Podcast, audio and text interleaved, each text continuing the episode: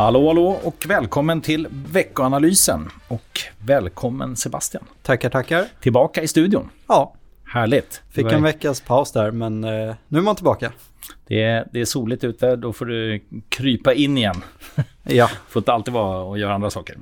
Men eh, nej, du eh, har inte varit ledig, utan du har bara inte fått vara med, kan man säga. Nej. Eller jag var inte inbjuden. Nej, det var lite aktiespecial med Fredrik och det, det är bra. Vi ska ha fler sådana avsnitt. Det, jag hoppas det även får lyssnare roligt att höra på lite andra saker ibland. Ehm, eller framförallt andra röster. Ehm, men eh, nu ska vi tillbaka till framförallt den penningpolitiska världen. Centralbankerna skakar om, Ja, kan man säga så? det kan man absolut säga.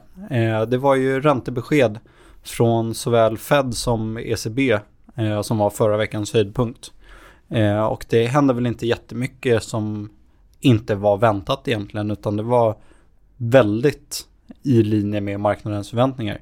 Men det blev ändå ganska kraftiga reaktioner, trots att eh, såväl beskeden, eh, höjningar med 25 punkter för både Fed och ECB, som kommunikationen efter beskeden egentligen var helt i linje med vad man hade förväntat sig. Mm. Ja, inga konstigheter va? Nej. Det, man tar bort den här eh, additional policy firming, Ja. som det heter. Alltså det vill säga man, man behöver åtstrama mer på något sätt. Den har man ju haft med ett tag. Ja. Men eh, nu tar man bort den här guiden sen. För Feds del alltså. Exakt. Eh, de räknar nu med, eller marknaden räknar nu med att Fed är klara med sina höjningar. Mm. Och eh, fram till det här mötet har man kommunicerat att det krävs fler. Men nu var man väldigt tydliga med att eh, poängtera att vi kommer inte längre säga att vi behöver fler. Utan vi får helt enkelt se vad datan visar. Ja, nej, verkligen. Och det är ju också egentligen vad man har trott. Sen har, tittar man på vad marknaden prissätter så är det ju liksom, ja, det är nästan dag till dag som man får titta. För det Ja. ändras så mycket och det är ibland rätt aggressivt också. Absolut. Hur ser det ut idag? Vad, vad, tror, vad tror man? Vad är nästa steg nu om man pausar nu säger vi i juni då? Vad gör man nästa gång? Eh, pausar juni, sänker i juli. Och då är Eh, det 25 punkter ner då? Ja, ja. och sen så är det 25 punkter bort på varje möte resten av året. Ja, jag såg, nu vet jag inte om den här är aktuell fortfarande som sagt, men jag såg någon eh, graf som eh, i alla fall visade marknadens prissättning och då var det liksom det aggressivaste i princip på 37 år. Att man ska sänka 180 punkter närmaste 18 månader. Eh, så bara för att få en känsla hur mycket det ska ner. Liksom. Ja, och det är ju, jag vet inte, jag tänker i alla fall så att man kanske inser att man liksom lite väl länge har liksom låste in sig i ett, så här, ett lågt, på en låg nivå länge och när det kommer inflation så kan man liksom ta tillfället i akt och få tillbaka en mer neutral ränta. Men det är inte vad marknaden tror, utan de tror att det kommer liksom inte vara så mycket inflation och då ska det bara ner ordentligt. Jag skulle också säga att även med sänkningar på 180 punkter så ligger vi väl ungefär på Jag säga, I. Feds fall så blir det ju nästan så. Ja. Ehm, då hamnar vi på tre någonting och så, då är det kanske inte så konstigt. Nej, Nej, det är Riksbanken som nog förmodligen aldrig kommer sänka 180 punkter snabbt igen. nej. Tror jag. Eh, och sen så kan vi slänga in där att för ECBs del, Mm. eh, då är det inga sänkningar på agendan nu, utan det är två till höjningar som är det mest väntade. Mm. Eh, och sen så att man efter det ligger kvar på den nivån året ut.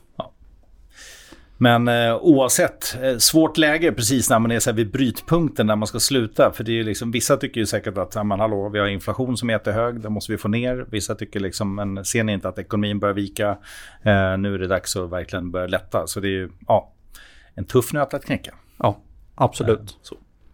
Ja, ehm, intressant. Och sen hade vi också när vi håller oss till förra veckan kort på den delen, så amerikanska arbetsmarknaden. Ja.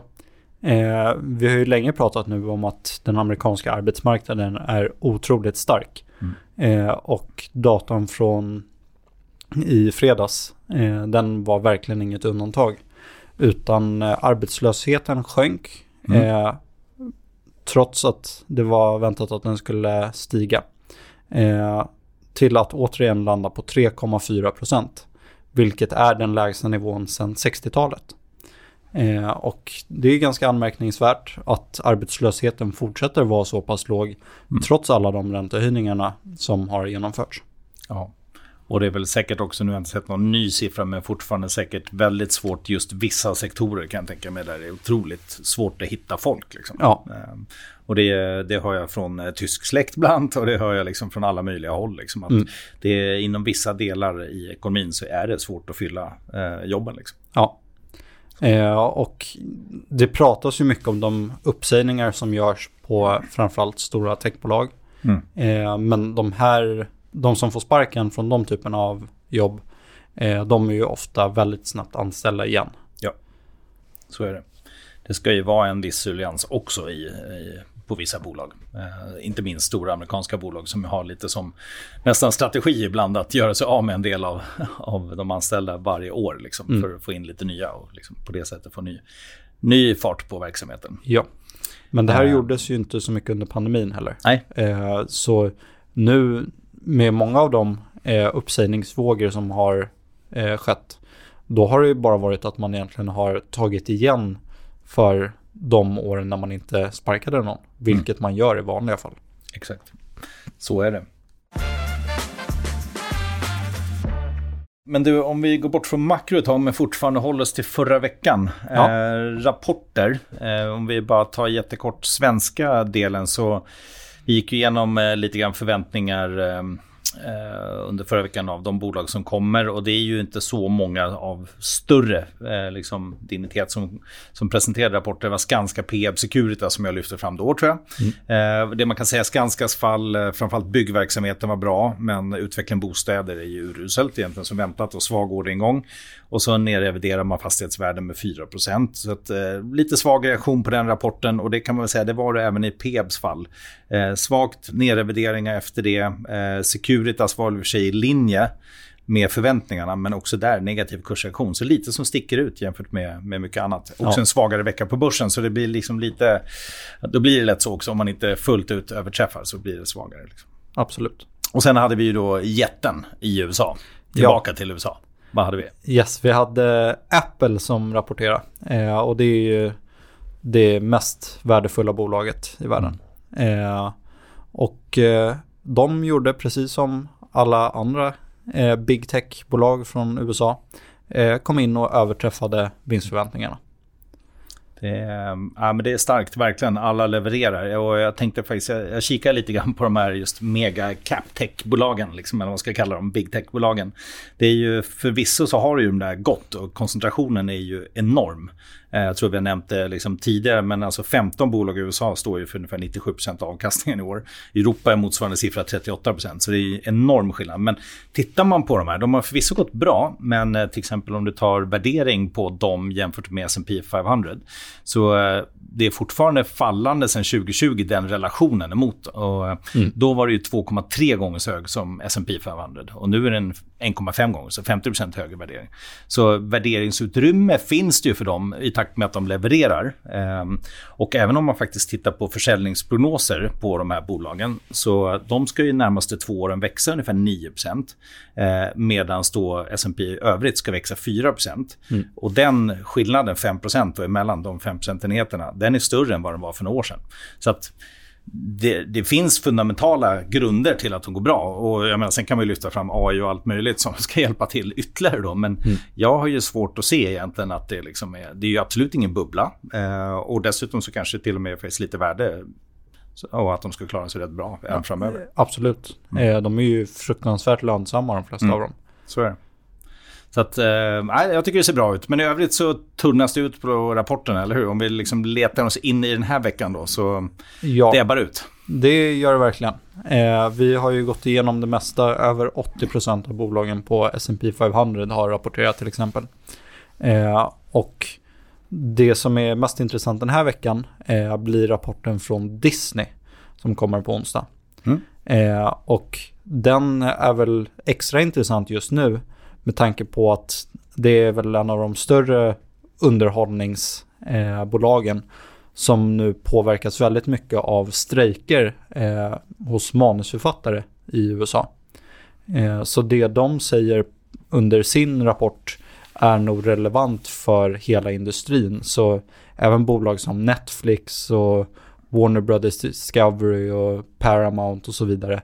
De kommer nog påverkas väldigt mycket. Kanske inte nödvändigtvis av det Disney säger, men ja, det som ligger bakom det som Disney säger. de händelserna som Disney antagligen kommer prata om Mm. eh, under sin rapport.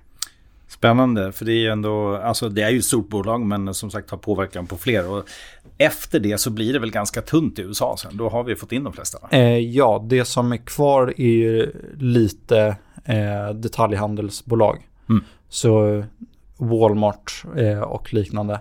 De är ju stora och de ligger ofta i slutet av rapportsäsongen. Ja. Eh, men det är det vi har kvar vad gäller stora bolag. Och jag kan säga bara för svensk del eller europeisk del också, så ja det finns en del självklart om man tittar i Europa. Vi har Vestas, vi har Salzgitter, Continental, Bayer, Fortum. Men det, det finns några stora, stora bolag kvar och i Sverige har vi den här veckan bland annat Huvudstaden, Storskogen, Bergman Beving, Sweco och så vidare. Men det är ändå inte de här topp 30 liksom längre, Nej. utan det, det börjar bli tunnare. I USA är det väl i alla fall över 80% nu som har kommit och i Sverige Ja. vet jag inte, men det lär väl vara någon liknande siffra. Så kan jag tänka mig. Så att eh, snart fokus på annat och det har jag, märker man också. Det är ju en hel del stämmer, det är utdelningar som går och så vidare. Så att eh, även andra bolagshändelser kan plötsligt börja ta lite plats igen. Ja.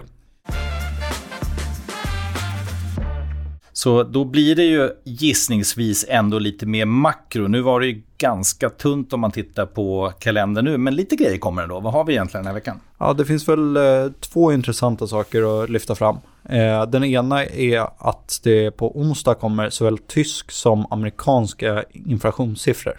Mm. Eh, och en av de mer intressanta siffrorna här blir att se om den amerikanska kärninflationen återvänder ner efter att den tog en oönskad sväng uppåt under mars. Eh, eller om den, det negativa trendbrottet som vi såg där, om det fortsätter. Eh, för den hade trendat ner lite innan dess. Men eh, huvudsiffran, eh, headline-inflationen i USA, den är nu nere på 5%. Eh, så även om det finns en bit kvar att gå eh, så är det tydligt att de i alla fall är på väg åt rätt håll. Verkligen. Och tittar vi Tyskland som vi också kommer onsdag, då är det 7,4 vi ligger på där då. Eh, Ja. Klart högre nivå. De eh, har ju ett gäng olika inflationsmått faktiskt. De har ju både KPI och HICP Exakt. som eh, visar lite olika. Men Just det. Eh, nu vet jag inte vad den ligger på, men gissningsvis också lite högre då. eh, ja, den vi har i tabellen här, jag vet faktiskt inte vilket mått det är, men den ligger på 7,8. Är, så är det. Höga inflationstal i Europa och inte minst Sverige fortsatt men fallande i USA. Lite Ja. snabbare. Och sen har vi då Michigan Index va? Ja. Preliminärt eh, på fredag. Ja, eh, och det är ett mått på amerikansk konsumentförtroende eh, som gäller både nuläget och framtidsförväntningar. Eh, och båda de här måtten har ju varit nere på väldigt låga nivåer nyligen. Eh, men har vänt upp lite. Eh, det väntas en väldigt marginell försämring under, eh, ja, under fredagen när datan kommer in. Men eh, ja, konsumenter runt om i världen mår ju inte jättebra just nu. Eh, även om amerikanska konsumenter antagligen är mindre påverkade än exempelvis svenska som har det väldigt tufft. Eh, bland annat beroende på skillnaderna i hur länge man binder bolånen på och hur pass belånade konsumenter är. Men eh, ja, det är tydligt att det är deppigt även i USA. Absolut. Och, eh, alltså nu, Michigan Index är en mätning. Sen finns ju den här conference board-mätningen som jag tror är lite bredare. Men eh, ja, det finns ju massa sådana. Men det finns också om man, om man vill hitta liksom saker som börjar peka på att konsumenter har det tufft. Det finns ju så här kreditkortsdata bland annat som man kan titta på. Det, det, allt sånt ser ut att bli lite, lite sämre. Eh, men med det sagt så finns det ju en, en stor bulk människor som faktiskt har det väldigt bra också. Och inte minst bolagen verkar ju fortsatt leverera. Så väldigt spännande att fortsatt se de här konsumentdatan, hur det kommer in. Ehm, i övrigt så har vi väl egentligen industriproduktionssiffror som Storbritannien och Tyskland. Men ehm, inget annat sådär som sticker ut va? Eh, är det något du vill fokusera mer på? Vår tid börjar ta slut faktiskt. Vi, vi brukar dra över på tiden men nu tänker jag att vi kan hålla den. Har du något mer som du vill eh, ha sagt innan vi lägger ner? Nej, jag tror väl att vi har lyft det mest relevanta så vi kan ju satsa på att hålla oss inom tidsramen den här gången. Då gör vi det. Då Ja. håller vi oss där och sen så hörs vi nästa vecka igen. Det gör vi. Tack för mig.